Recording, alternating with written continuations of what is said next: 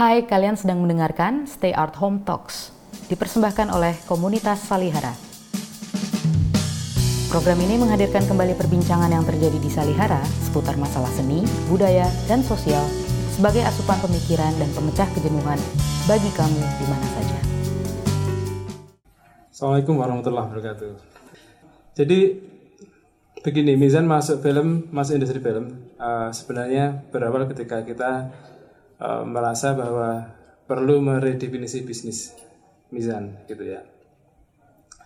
Karena setelah berkembangnya teknologi-teknologi baru dan sebagainya, uh, kita mulai berpikir bahwa kita tidak bisa secara miopik begitu mengatakan bahwa kita adalah penerbit buku. Gitu. Walhasil setelah berbicara panjang lebar, ngobrol kiri kanan, atas bawah, utara selatan, timur barat, gitu.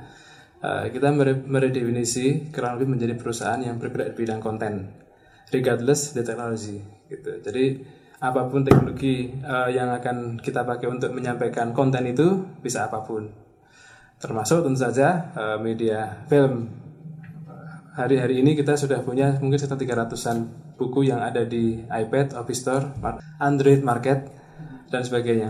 Nah, jadi itu untuk memberikan uh, gambaran bahwa ini proses buat kita gitu ya, proses uh, bisnis semata gitu. Walaupun tentu saja seperti yang saya tulis di sini uh, itu buat kami ya paling tidak mungkin buat buat uh, kalau kita bisa sebut sebagai elitnya Mizan tetap itu menganggap sebagai proses uh, pengabdian religius gitu yang insya Allah dinilai sebagai ibadah yang kalau nanti ditimbang itu ikut memberatkan amal baik lah jadi masuk surga gitu. Jadi itu uh, intensi kita. Jadi uh, tanpa harus mengatakan itu lebih jauh tapi memang itu yang menjadi apa yang kita bayang-bayangkan bahwa karena kita bisa berkontribusi di situ kita isakan berkontribusi di situ gitu ya. Nah um, dengan demikian kemudian kita mulai berpikir masuk ke dunia industri film. Uh, peluang terbuka ketika kita mendapatkan buku yang luar biasa meledak uh, Laskar Pelangi. Dan kemudian kita uh, Andrea bilang yuk kita filmkan. Nah kita mulai mencari kemungkinan kerjasama dengan teman-teman. Ada sempat kita kontak ke Garin. Kemudian akhirnya berlabuh dengan uh, teman-teman di Miles Films gitu ya. Uh, situasi perfilman juga belum bagus-bagus amat gitu kan. Uh, tapi biaya produksi luar biasa besar untuk ukuran saat itu. Tapi karena kita yakin karena bukunya meledak luar biasa insya Allah ini akan jalan. Dan alhamdulillah uh, meledak gitu ya uh, film itu. Tahun 2008 jadi kita sekarang sudah punya enam film. Insya Allah tahun ini akan muncul dua lagi Oktober dan Desember jika tidak ada arah melintang. Uh, pertama Laskar Pelangi tentu saja ya. Laskar Pelangi uh, nanti akan kita bahas Islamnya di mana sih Laskar Pelangi itu ada nggak sebenarnya. Dalam konteks apakah bisa kita bisa sebut sebagai film Islam yang disebut sebagai simbolisasi saja.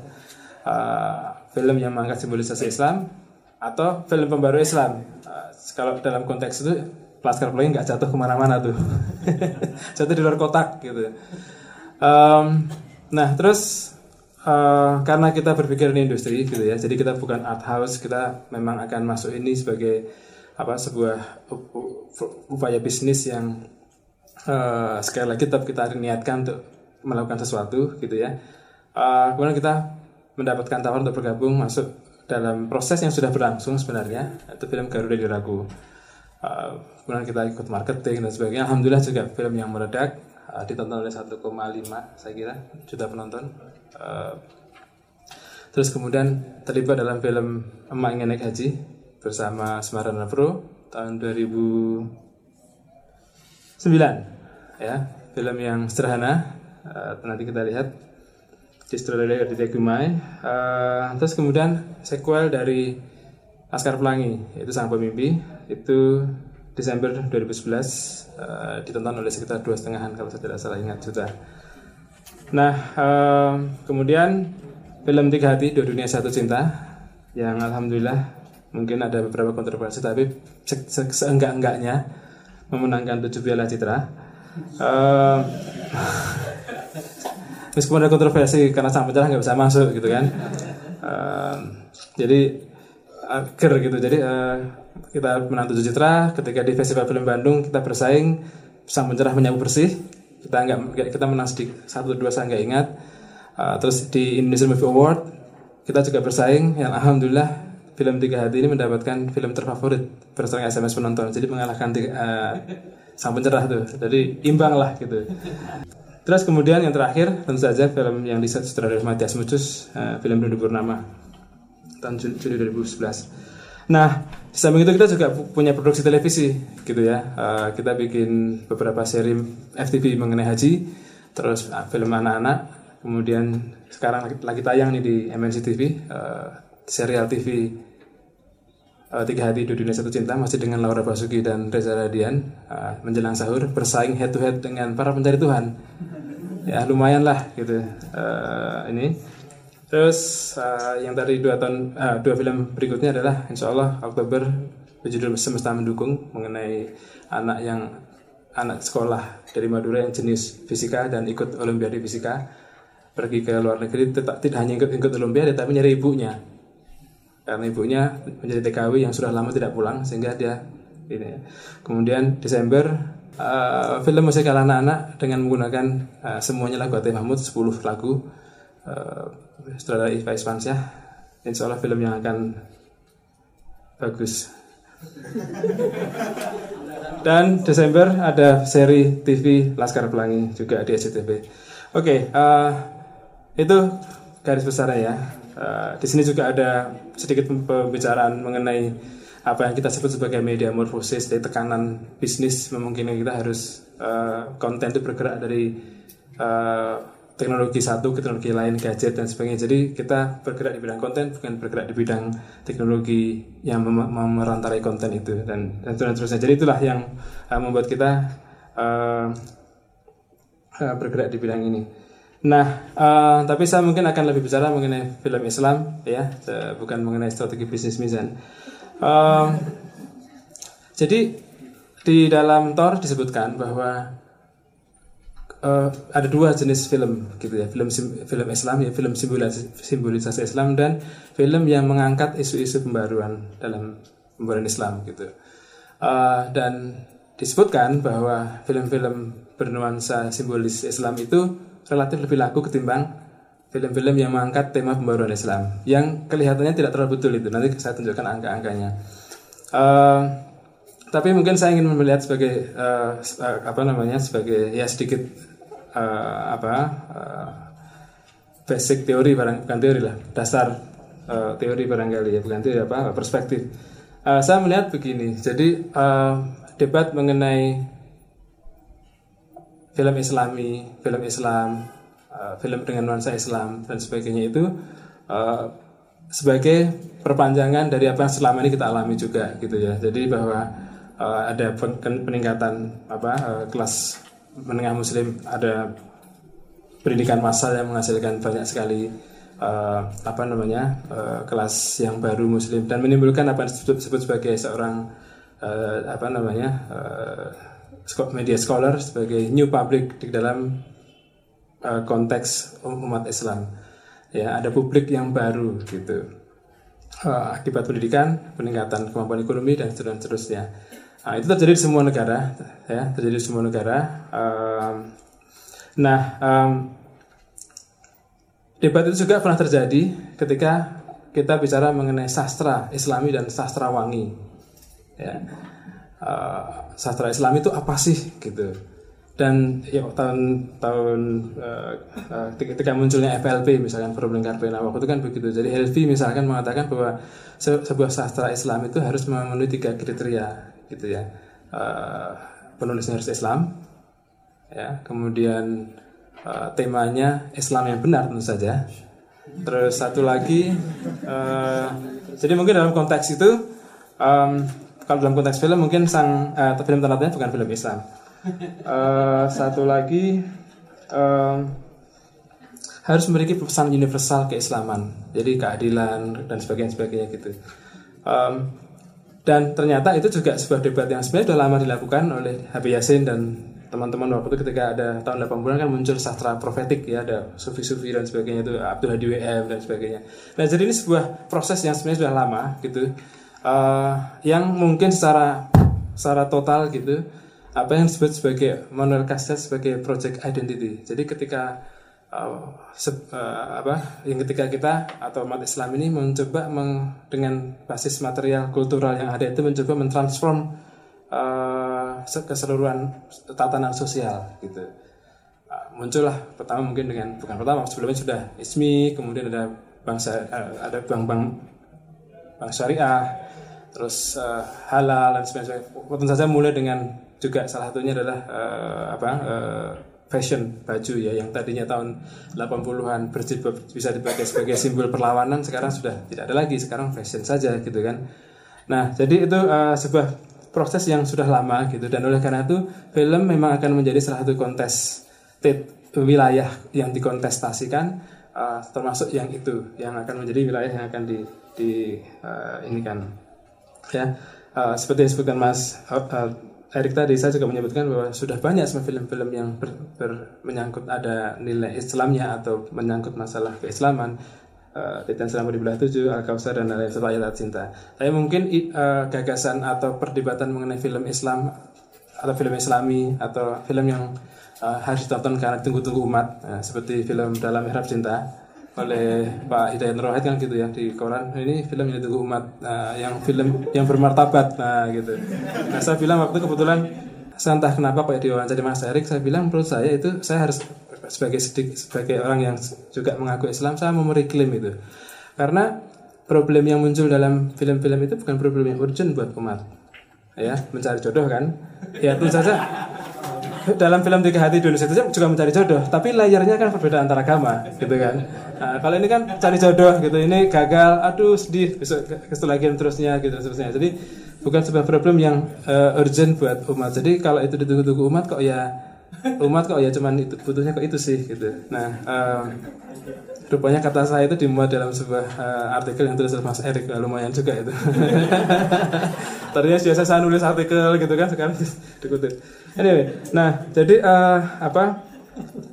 Sa- Saya bilang eh, ya nggak bisa disebut sebagai film eh, yang dibutuhkan umat karena film-film Mizan saya yakin dibutuhkan umat gitu. Eh, apa? Nah itu yang saya mau, mau, mau sampaikan ya.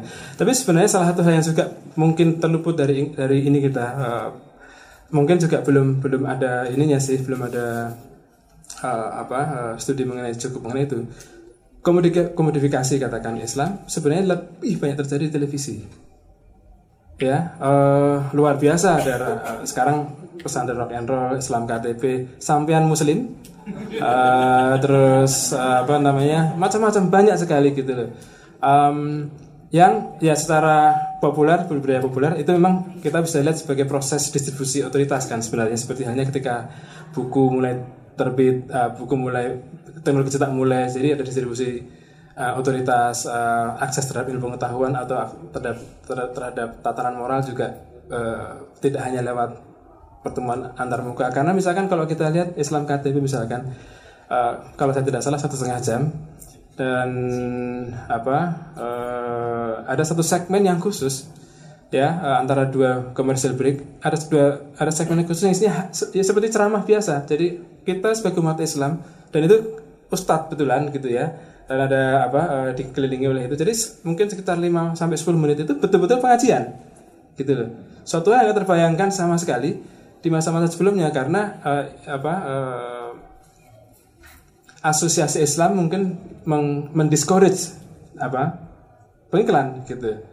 Salah satunya kenapa majalah umat tidak jalan Republika juga sampai sekarang ngos-ngosan. Itu kan karena juga asosiasi yang yang mendiscourage eh, tapi di televisi enggak. Televisi jauh lebih powerful untuk bahkan me- mempopuler membudaya populerkan agama gitu.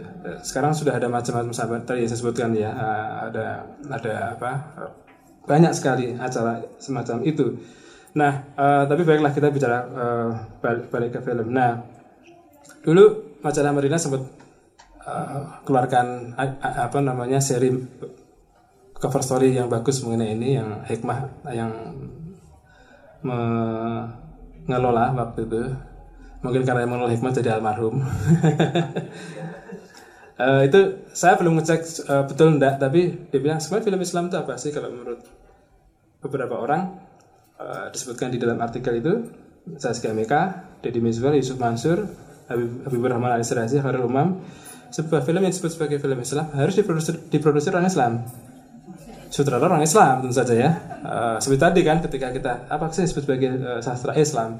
Ya penulisnya harus Islam walaupun uh, ini yang menarik Heavy mengatakan tapi jangan lupa bahwa ada yang sastra yang berdasarkan sumber-sumber uh, Islam seperti Khalil Gibran.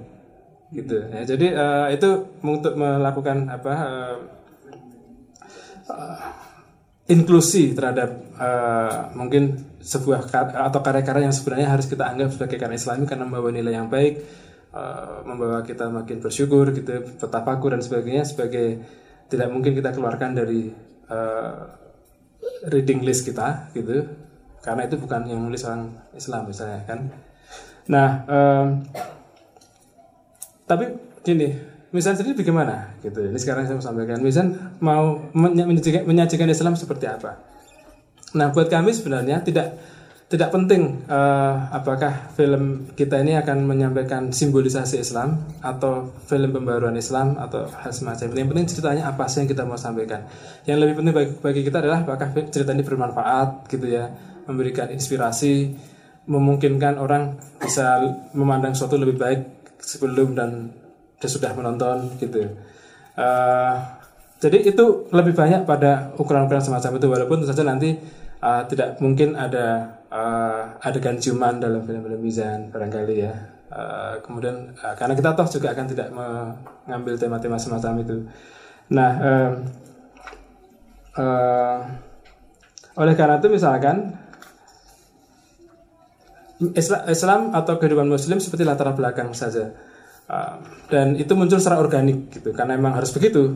Gitu. Jadi kalau orang misalkan cerita di Laskar Pelangi gitu ya, Muhammadiyah uh, etos pendidikan etos pengabdian gitu. Nah ya masa sholat nggak boleh? Ya kan harus ada sholatnya juga kan juga satu hal yang biasa dilakukan juga oleh uh, apa uh, orang muslim. Jadi kayak gitu ya. Dan oleh karena itu barangkali uh, film tiga hati yang tentang yang menurut majalah uh, menurut situs era muslim salah satu film contoh ketika mengkritik film tanda tanya dianggap salah satu film yang mengusung pluralisme berbas, berbaju budaya populer. Uh, jadi tidak boleh ditonton. Uh, termasuk bahkan di paling depan artikel itu uh, apa ilustrasinya adalah uh, film Tiga Hati karena dianggap uh, berbaju itulah gitu. Sebelumnya sudah ada kritik-kritik yang begitu dan memang keras gitu tapi padahal kalau kita lihat itu barangkali uh, saya membaca uh, kritik yang sangat menarik kritik yang sangat dari Mas Erik ketika muncul di videonya Yes, uh, terima kasih dan jadi itu muncul sangat komedik gitu ya, santai gitu. Islam dalam film-film ya. Laskar Pelangi seperti yang saya ceritakan tadi ya, karena konteksnya adalah masyarakat Belitung dan uh, pengabdian dua orang guru dan anak-anak itu Muhammadiyah lagi kan satu-satunya Muhammadiyah ya.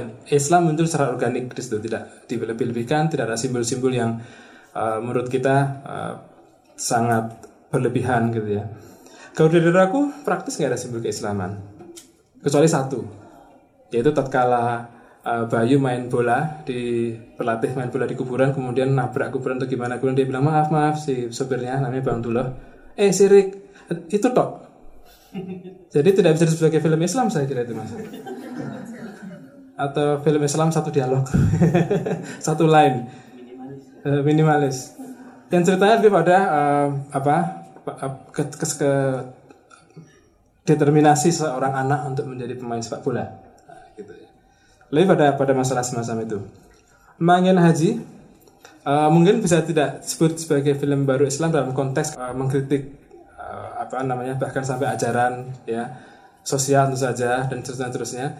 Dia hanya berbicara mengenai se seorang emak yang sederhana yang mau naik haji, penjual gue punya uang 5 juta ditabung, ya. Terus kemudian uh, terpaksa tabungnya dibongkar karena cucunya sakit dan tetangganya kelaparan. Jadi tabungnya tabungnya dibongkar. Di lain pihak di sebelahnya di persis sebelah pagar itu seorang yang kaya yang bisa umroh setiap tahun dan membatalkan umroh karena artis yang tadinya mau ikut nggak jadi ikut. Gitu ya nah itu dipertentangkan lah kurang lebih kontras begitu walaupun mereka bersahabat bertangga dengan baik. Yang walaupun pada akhirnya untuk memuaskan penonton barangkali akhirnya simak yang naik haji juga dengan bantuan si, si kaya gitu ya. Sang pemimpi saya kira tidak ada ekspresi keislaman di situ simbol-simbol keislaman tidak ada. Tidak seperti di Laskar Pelangi yang memang secara organik Muhammadiyah dan sebagainya itu sekolah umum biasa. Ada sholat sekali uh, setelah bekerja keras di pelabuhan ikan ya sholat maghrib lah gitu uh, di magic hour. Tapi saya kira itu lebih banyak karena keindahan gambar ketimbang bahwa itu harus ada gitu. Ya. Uh, tiga tidur Indonesia Tunja saya sebut, sebutkan tadi um, barangkali kalaupun itu disebut sebagai uh, film pembaru uh, pembaruan Islam karena ada unsur-unsur semacam itu barangkali bisa disebut uh, meskipun sangat menurut saya subtil dan lebih banyak lucunya dan memang uh, komedi gitu ya komedi komedi romantis gitu. Uh, Ridho Purnama berkisah mengenai seorang profesional muda yang saleh secara individual sholat terus sholatnya banyak tapi tidak hero pada masalah-masalah sosial sampai dia bertemu dengan seorang anak jalanan yang kemudian pada akhirnya membuat dia saleh secara sosial gitu ya memilih uh, menyelamatkan rumah singgah ketimbang menyelamatkan proyek perusahaannya misalnya. Nah uh, jadi itu uh, jadi agak susah buat kita untuk menyampaikan bahwa film-film Mizan adalah film-film uh, pertama tidak tidak tidak semua bisa disebut sebagai film yang menampilkan simbolisasi Islam seperti dalam Thor. Tapi juga dalam konteks pembaruan saya kira tidak bisa di sebutkan secara semuanya apalagi gitu ya mungkin satu dua kalaupun itu bisa dimasukkan. Nah eh, kembali ke dua apa dua kategorisasi ini eh, betul nggak sih bahwa film-film yang berkategori simbolisasi Islam itu lebih laku ketimbang film-film yang katakan memuat eh, konten-konten pembaruan gitu ya uh, misalkan kalau kita sebut ketika kita bertasbih ya film yang laku tentu saja ya. Kun fayakun ceplok. Di bawah langit apalagi? Belum pernah dengar kan? Di bawah langit. Opek yang bikin. Opek yang bikin. Uh, kun, kun fayakun Ustaz Yusuf Mansur yang pada prinsipnya kalau Anda memberi, Anda akan mendapatkan jauh lebih banyak. Nah, memberi duit, bersedekah gitu kan. Uh, termasuk barangkali bersedekah dengan film untuk mendapatkan penonton jauh lebih banyak. Ternyata nggak nggak manjur juga di situ gitu. Nah jadi enggak gitu ya. Tapi di lain pihak di lain pihak seperti perempuan berkalung sorban. Tanda tanya film tanda tanya ya. Kemudian ada tiga doa tiga cinta. Mohon Hakim ketika cinta bertasbih satu dua itu memperoleh penonton sekitar tuh, tiga, uh, ketika cinta bertasbih KCB satu mendapatkan 3 juta KCB 2 mendapatkan 2 juta ya.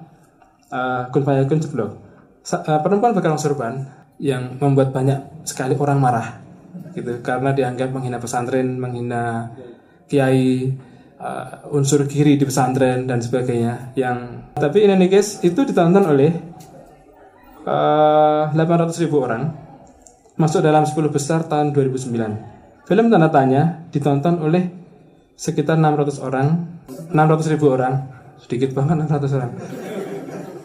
Kalah oleh arwah yang kerawang yang 750 ribu, 750 ribu dan surat kecil untuk Tuhan yang baru saja turun ya 700 ribuan. Artinya film tanda tanya yang menuai kontroversi itu masih mendapatkan kurang lebih 600 yang mungkin nomor 3 terbanyak penontonnya sampai sekarang.